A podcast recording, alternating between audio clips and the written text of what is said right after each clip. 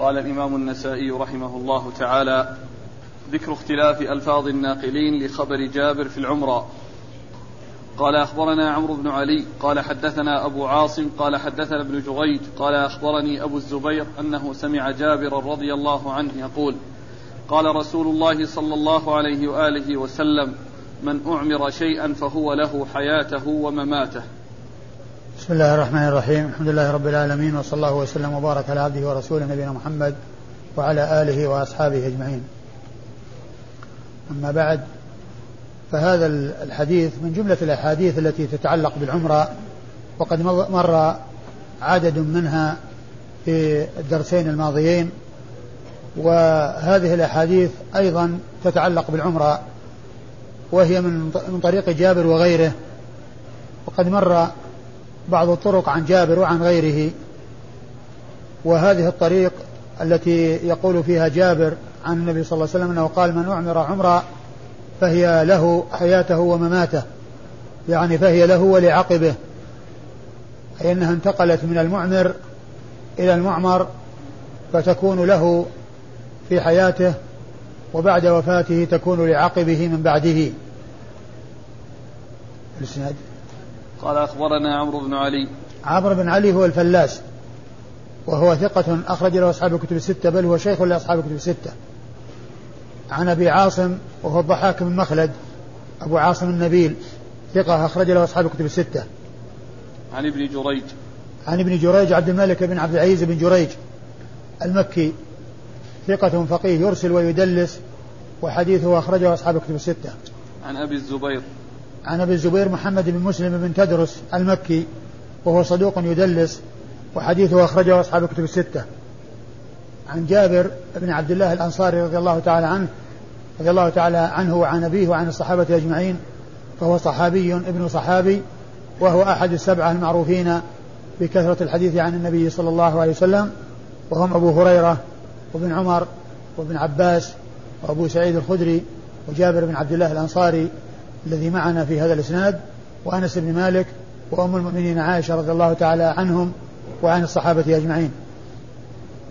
قال أخبرني محمد بن إبراهيم بن صدران عن بشر بن المفضل قال حدثنا الحجاج الصواف عن أبي الزبير قال حدثنا جابر رضي الله عنه أنه قال قال رسول الله صلى الله عليه وآله وسلم يا معشر الأنصار أمسكوا عليكم يعني أموالكم لا تعمروها فإنه من أعمر شيئا فإنه لمن أعمره حياته ومماته.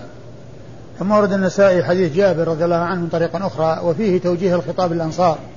يا معشر الأنصار, الأنصار أمسكوا عليكم أموالكم وإنما خصهم بها لأنهم كانوا لما قدم المهاجرون آه، أعطوهم أو آه، أرادوا أن يعطوهم أشياء من أموالهم عمرا. فالنبي صلى الله عليه وسلم قال يا معشر الأنصار أمسكوا عليكم أموالكم فإن من أعمر شيئا فهو لمن أعمره حياته وموته. نعم. فهو لمن أعمره حياته وموته. فهو مثل الذي قبله ولكن فيه توجيه الخطاب الأنصار وسببه ما أشرت إليه.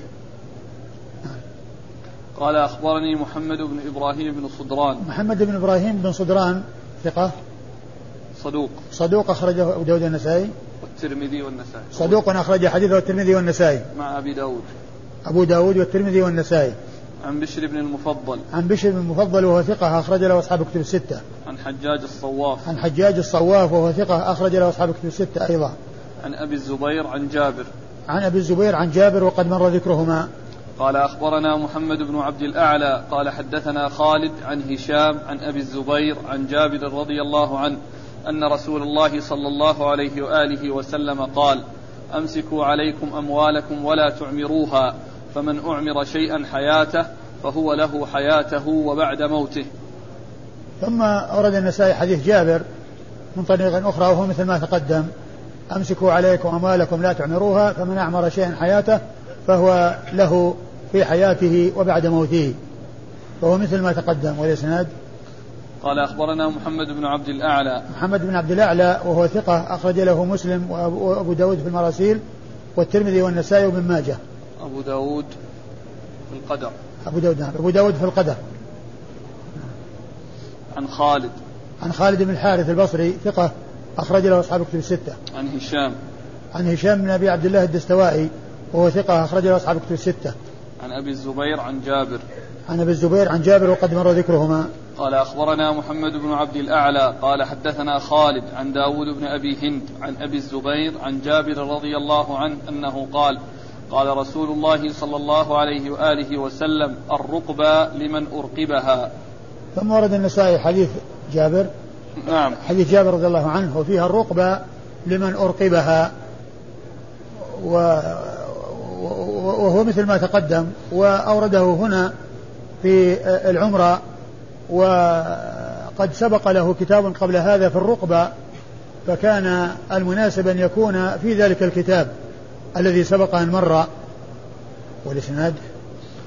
قال أخبرنا محمد بن عبد الأعلى عن خالد عن داود بن أبي هند. محمد بن عبد الأعلى عن خالد مر ذكرهما وداود بن أبي هند ثقة أخرج له البخاري تعليقا ومسلم وأصحاب السنة الأربعة. عن أبي الزبير عن جابر.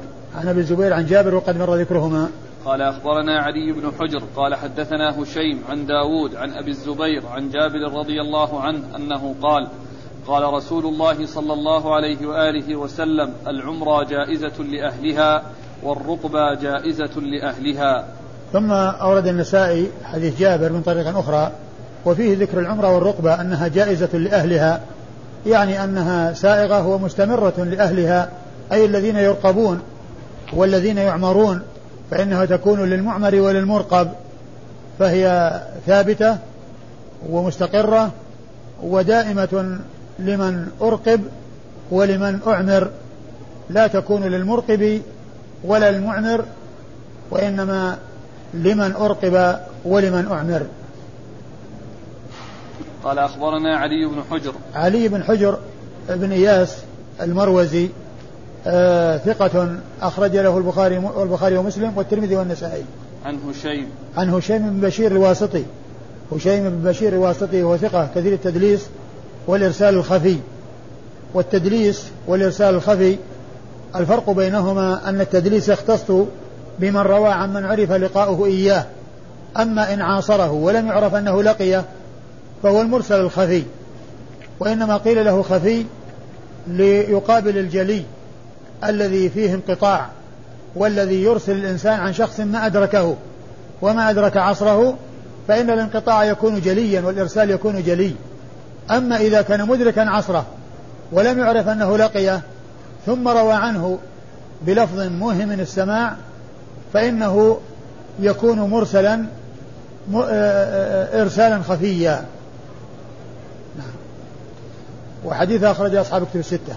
عن داود عن أبي الزبير عن جابر. عن داود بن أبي هند عن أبي الزبير عن جابر وقد مر ذكرهما ذكرهم. قال ذكر الاختلاف على الزهري فيه. قال أخبرني محمود بن خالد. قال حدثنا عمر عن الأوزاعي. قال حدثنا ابن شهاب. قال وأخبرني قال وأخبرني عمرو بن عثمان. قال أنبانا بقية بن الوليد عن الأوزاعي عن الزهري عن عروة عن جابر رضي الله عنه أنه قال قال رسول الله صلى الله عليه وآله وسلم من أعمر عمرا فهي له ولعقبه يرثها من يرثه من عقبه. ثم ورد النسائي حديث جابر من طريق أخرى وهو من طريق الزهري وفيه من أعمر عمرا فهي له ولعقبه يرثه آه يرثه من عقب يرثه من يرثه من عقبه. يعني له في حياته وبعد مماته له في حياته ولعقبه بعد مماته تورث كما يورث المال. أيوة. قال أخبرني قال أخبرني محمود بن خالد. محمود بن خالد الدمشقي وهو ثقة ثقة أخرج له أبو داود النسائي وابن ماجه. وابن ماجه. عن عمر. عن عمر بن عبد الواحد الدمشقي وهو ثقة نعم. أخرج له أبو داود والنسائي وابن ماجه. عن الأوزاعي. عن الأوزاعي عبد الرحمن بن عمرو أبو عمرو. الأوزاعي ثقة فقيه. أخرج له أصحاب الكتب الستة وكنيته توافق اسم أبيه. وهذا نوع من أنواع علوم الحديث. وفائدة معرفة هذا النوع أنه لو ذكر بالكنية بدل النسبة لا يكون تصحيفا ولا يعتبر خطأ بل كل ذلك صواب. ومن لا يعرف أن عبد الرحمن بن عمرو الأوزاعي كنيته أبو عمرو أو يعرف كنيته ولا يعرف اسم أبيه فمن يعرف من لا يعرف ذلك فإنه لو جاء بدل عبد الرحمن بن عمرو عبد الرحمن أبو عمرو الأوزاعي لو جاء عبد الرحمن أبو عمرو الأوزاعي بدل عبد الرحمن بن عمرو الأوزاعي من لا يعرف يقول هذا غلط وأن أبوه مصاحبة من ابن. لكن لا يكون هناك تصحيف لأنه هو أبو عمرو وهو ابن عمرو. فسواء قيل عبد الرحمن بن عمرو الأوزاعي أو عبد الرحمن أبو عمرو الأوزاعي. آه الكل صحيح ولا تصحيف وحديثه أخرجه أصحاب الكتب الستة. عن ابن شهاب. عن ابن شهاب محمد بن مسلم بن عبيد الله ابن شهاب الزهري ثقة آه كثير الحديث آه فقيه من صغار التابعين ثقة فقيه من صغار التابعين أخرج حديثه أصحاب الكتب الستة. قال وأخبرني عمرو بن عثمان. ثم ذكر النسائي طريقا أخرى وشيخه فيها عمرو بن عثمان بن سعيد بن كثير بن دينار الحمصي وهو صدوق أخرج حديثه أبو داود والنسائي بن ماجه. نعم. أبو داود والنسائي وابن ماجه.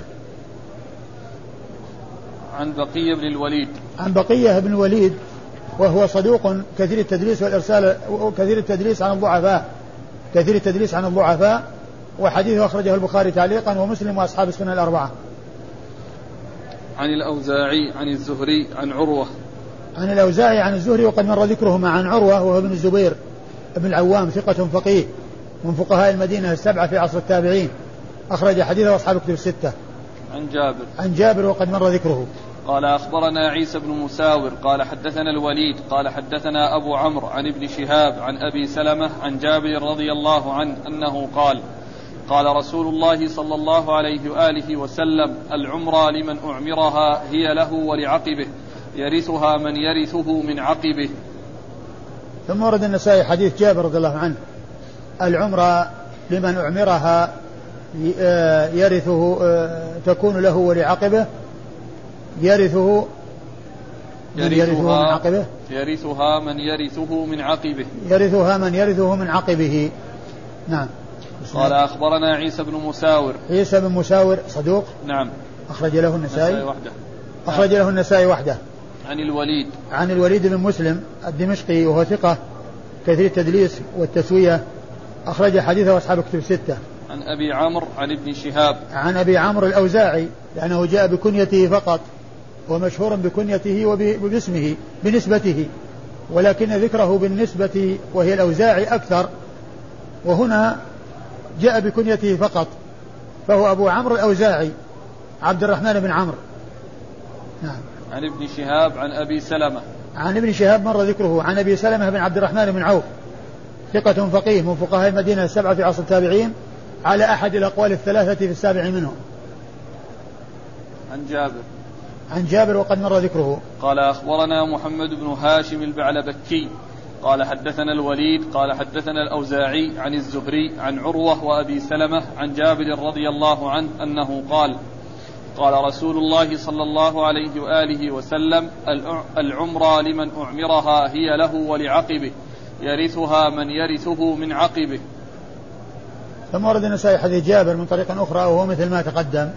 قال أخبرنا محمد بن هاشم البعلبكي. محمد بن هاشم البعلبكي صدوق أخرج حديثه النسائي وحده. عن الوليد عن الأوزاعي. عن الوليد هو بن مسلم والأوزاعي آه، مر ذكره. عن الزهري عن عروة وأبي سلمة عن جابر. وقد مر ذكرهم جميعا. قال أخبرني محمد بن عبد الله بن عبد الرحيم. قال حدثنا عمرو بن أبي سلمة الدمشقي عن أبي عن أبي عمر الصنعاني عن هشام بن عروة عن أبيه عن عبد الله بن الزبير رضي الله عنهما أن رسول الله صلى الله عليه وآله وسلم قال أيما رجل أعمر أيما رجل أعمر رجلا عمرا له ولعقبه فهي له ولمن يرثه من عقبه موروثة.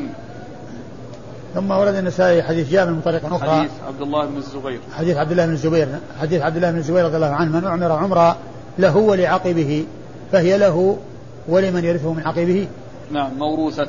فهي له ولمن فهي له فهي له ولمن يرثه من عقبه موروثة. فهي له ولمن عقبه موروثة. آه هو مثل ما تقدم ولكن هنا فيه التصريح بأنها له ولعقبه. يعني أن من أعمر قال إنها له ولعقبه. فقد نص على أنها تكون للمعمر ولعقب المعمر. نعم. قال أخبرني محمد بن عبد الله بن عبد الرحيم محمد بن عبد الله بن عبد الرحيم صدوق. ثقة. أخرج له. داود والنسائي. صد... ثقة أخرج له أبو داود والنسائي. عن عم عن عمرو بن أبي سلمة الدمشقي. عن عن عمرو؟ نعم. عن عمرو بن أبي سلمة بن أبي سلمة الدمشقي وهو ثقة. صدوق له أوهام أخرج له أصحاب الكتب. صدوق له أوهام أخرج له أصحاب الكتب الستة. عن أبي عمر الصنعاني. عن أبي عمر الصنعاني وهو حفص بن ميسرة. ثقة ربما وهم. ثقة ربما وهم أخرج له. البخاري ومسلم وأبو داود في المراسيل والنسائي وابن ماجه. البخاري ومسلم وأبو داود في المراسيل والنسائي وابن ماجه. عن هشام بن عروة. عن هشام بن عروة وهو ثقة أخرج له أصحاب الكتب الستة. عن أبيه عن عبد الله بن الزبير. عن أبيه عروة بن الزبير، عن أبيه عبد الله بن الزبير آه عبد الله بن الزبير بن العوام صاحب رسول الله صلى الله عليه وسلم وأحد العبادلة الأربعة من أصحاب النبي صلى الله عليه وسلم. وهم عبد الله بن الزبير وعبد الله بن عباس وعبد الله بن عمر وعبد الله بن عمرو بن العاص. وعبد الله بن الزبير رضي الله عنه أول مولود ولد في المدينة بعد هجرة الرسول صلى الله عليه وسلم. وهو من صغار الصحابة. هو من صغار الصحابة. توفي رسول الله عليه الصلاة والسلام وعمره عشر سنوات. لأنه مات لأنه ولد في أول آه، ما قدم النبي صلى الله عليه وسلم المدينة. وكان ذلك في قبى قبل أن يصلوا إلى المدينة فعند وفاة النبي صلى الله عليه وسلم عمره عشر سنوات رضي الله تعالى عنه وأرضاه. قال أخبرنا قتيبة بن سعيد قال حدثنا الليث عن ابن شهاب عن أبي سلمة بن عبد الرحمن عن جابر رضي الله عنه أنه قال سمعت رسول الله صلى الله عليه وآله وسلم يقول من أعمر رجلا عمرا له ولعقبه فقد قطع قوله حقه. وهي لمن أعمر ولعقبه. ثم ورد نساء حديث جابر من أعمر عمرا فهي له ولعقبه. قد قطع, قد قطع قوله حقه. يعني كلامه الذي تكلم به وقال أعمرتك أو أعطيتك هذه حياتك فقد قطع قوله حقه. يعني هذا الكلام الذي قاله آه أنهى تملكه لهذا الشيء الذي كان في حوزته وفي ملكه. وصار للمعطى للمعمر قطع قوله حقه يعني هذا الكلام الذي قاله لمن أعمره حيث قال أعمرتك أو أعطيتك عمرك أو حياتك قطع هذا الكلام حقه في ذلك الذي في ذلك الشيء الذي أعمره. يعني معناه أنه انتقل من المعمر إلى المعمر وصار حقا للمعمر ليس للمعمر فيه شيء. لأن قوله هذا الذي قاله للمعمر أنهى حقه في ذلك الذي أعمره إياه قال أخبرنا قتيبة بن سعيد أخبرنا قتيبة بن سعيد بن ابن جميل بن طريف البغلاني ثقة أخرج له أصحاب الكتب الستة. عن الليث عن الليث بن سعد المصري ثقة فقيه أخرج له أصحاب الكتب الستة. عن ابن شهاب عن أبي سلمة عن جابر. عن ابن عن ابن شهاب عن أبي سلمة عن جابر وقد مر ذكرهم. قال أخبرنا محمد بن سلمة والحارث بن مسكين قراءة عليه وأنا أسمع عن ابن القاسم عن مالك عن ابن شهاب عن أبي سلمة عن جابر رضي الله عنه أن رسول الله صلى الله عليه وآله وسلم قال: أيما رجل أعمر عمرا له ولعقبه فإنها للذي يعطاها لا ترجع إلى الذي أعطاها لأنه أعطى عطاء وقعت فيه المواريث. ثم ورد النسائي حديث جابر في العمرة وهو مثل ما تقدم أنها أن من أعمر عمرة له ولعقبه فهي له ولعقبه لا ترجع إلى من أعطاها لأنه قال قولا أو أعطى عطاء آه، وقعت فيه وقعت فيه المواريث يعني معناه أعطى عطاء يملكه المعطى ويرثه عقبه من بعده. وقد صرح فيه بذكر أنها له ولعقبه. يعني نفس عندما عندما قال له عندما آه، أعطاه وأعمره نص على أنه له ولعقبه. قال أخبرنا محمد بن سلمة. محمد بن سلمة المرادي المصري ثقة أخرج حديث مسلم وأبو داود والنسائي بن ماجه. والحارث بن مسكين. والحارث بن مسكين المصري ثقة أخرج له أبو داود والنسائي. عن ابن القاسم. ابن القاسم عبد الرحمن بن القاسم صاحب الإمام مالك وهو ثقة أخرج له البخاري وأبو داود في المراسيل والنسائي. عن مالك. عن مالك بن أنس إمام دار الهجرة المحدث الفقيه الإمام المشهور أحد أصحاب المذاهب الأربعة المشهورة من مذاهب أهل السنة وهي مذهب الإمام مالك مذهب الإمام أبي حنيفة ومذهب الإمام مالك والشافعي ومذهب الشافعي ومذهب أحمد. وليس كون هؤلاء الأربعة أصحاب مذاهب وأنهم فقهاء أن غيرهم ليس كذلك. ففي زمانهم وقبل زمانهم وبعد زمانهم من عرف بالفقه والتمكن فيه. ولكن ما اشتهرت مذاهبهم كما اشتهرت مذاهب الأئمة الأربعة لأن الأئمة الأربعة صار لهم أصحاب عنوا بمذاهبهم وأخرجوها ودونوها وكتبوها وأظهروها وأما أولئك ما حصل لهم مثل ما حصل لهؤلاء. فلا يعني أن من يكون ليس من ليس غير هؤلاء الأربعة لا يكون يعني مثلهم أو في درجتهم بل هناك من هو مثلهم ومن هو في درجتهم وهم مشهورون بالفقه ومشهورون بالحديث ولكن ما حصل لهم مثل ما حصل لهؤلاء الأئمة الأربعة من التلاميذ الذين عنوا بمذهبهم ونشره وتحريره وكتابته وإبرازه وإظهاره. نعم. عن ابن شهاب عن أبي سلمة عن جابر. عن ابن شهاب عن سلمة عن, عن أبي سلمة عن جابر وقد مر ذكرهم. قال أخبرنا عمران بن بكار قال حدثنا أبو اليمان قال حدثنا شعيب عن الزهري قال حدثني أبو سلمة بن عبد الرحمن أن جابرا رضي الله عنه أخبره أن رسول الله صلى الله عليه وآله وسلم قضى أنه من أعمر رجلا عمرا له ولعقبه فإنها للذي أعمرها يرثها من صاحبها الذي أعطاها يرثها من صاحبها الذي أعطاها ما وقع من مواريث من مواريث الله وحقه. ثم ورد النسائي حديث جابر من طريق أخرى وهو مثل ما تقدم من أعمر عمره له ولعقبه فهي له ولعقبه آه، يرثها آه، يرثها عقب المعمر المعطى آه، ما يرثون مما فرضه الله عز وجل لهم من مورثهم لأنه ملك ذلك والعبارة يعني ليست بواضحة. يعني فيها شيء من الخفاء. يعني لأنه آه، قال إيش العبارة؟ يرثها من صاحبها الذي يرثها من صاحبها الذي أعطاها. يعني طبعا الميراث إنما هو لعقبه من بعده وأما أخذه إياها فهي ليست ميراث وإنما هو عطية. لكن لعل في الكلام تقديم وتأخير بأن يكون آه، إيش العبارة؟ يرثها. لا قبلها. فإنها للذي أعمرها. يرثها من فإنها للذي أعمرها من من صاحبها. يرثها لا يعني أنا أقول يعني لعل فيها تقديم وتأخير. آه. يرث آه، آه، فإن آه، فإنها للذي أعمرها. فإنها للذي للذي أعمرها من صاحبها.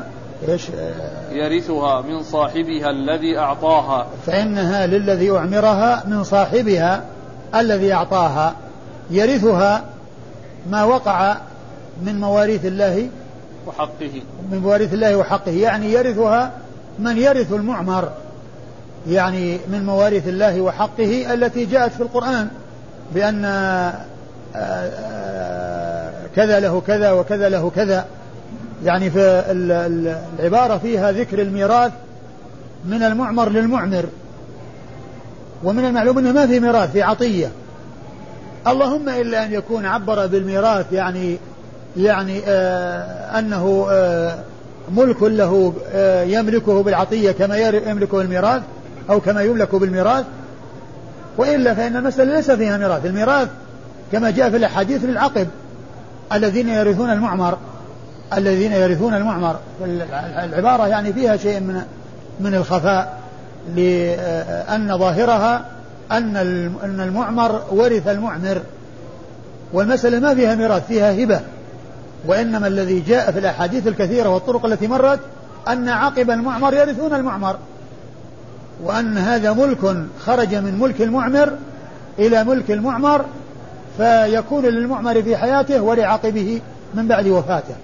فهو إما أن يعبر بالميراث عن العطية وعن الهبة وعن الاستحقاق أو أن المسألة فيها تقديم وتأخير. نعم. قال أخبرنا عمران بن بكار. أخبرنا عمران بن بكار وهو ثقة أخرج له النسائي. ثقة أخرج حديثه النسائي وحده. عن أبي اليمان. عن أبي اليمان وهو الحكم بن نافع. الحكم بن نافع مشهور بكنية أبو اليمان. وهو ثقة أخرج له أصحاب كتب الستة. عن شعيب. عن شعيب بن أبي حمزة الحمصي وهو ثقة أخرج له أصحاب كتب الستة. عن الزهري عن أبي سلمة عن جابر. عن الزهري عن أبي سلمة عن جابر وقد مر ذكرهم. قال أخبرنا محمد بن عبد الله بن عبد الحكم عن ابن أبي فديك. قال حدثنا ابن أبي ذئب عن ابن شهاب عن أبي سلمة عن جابر رضي الله عنه. أن رسول الله صلى الله عليه وآله وسلم قضى في من أعمر عمرا له ولعقبه فهي له بتلة. لا يجوز للمعطي منها شرط ولا ثنيا.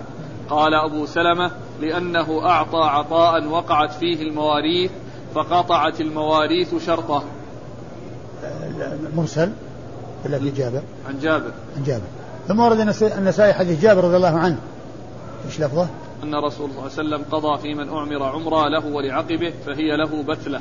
أي من قضى قضى أن من أعمر عمرة له ولعقبه فهي له بتلة يعني دائما يعني بتلة دائما وقد مر بنا العبارة هذه بتلة بتلة يعني مرة مرة يعني جاءت في بلفظ الماضي بتل بتل وسلم العمرة والركبة. بتل العمرة والركبة يعني أنه أعطاها عطاء آه، دائما مستمرا لمن أعمر ولمن أرقب وهنا يعني فهي له بتلة يعني دائما يعني آه، آه، ملك مستمر له في حياته ولعقبه من بعد وفاته أيوه من بتلة إيش؟ لا يجوز للمعطي منها شرط ولا ثنيا لا يجوز للمعمر منها شرط ولا ثنيا يعني أنه لو اشترط أو استثنى فإن ذلك لا يصح ولا يكون لأنه آه، يكون للمعمر. وبعض أهل العلم كما قال كما قلت فيما مضى أنهم قالوا إذا كان فيه استثناء وأنها تكون له في حياته وإذا مات ترجع إليه قالوا إن هذه عارية وأنها من قبيل العارية وأنها ترجع إلى المعمر.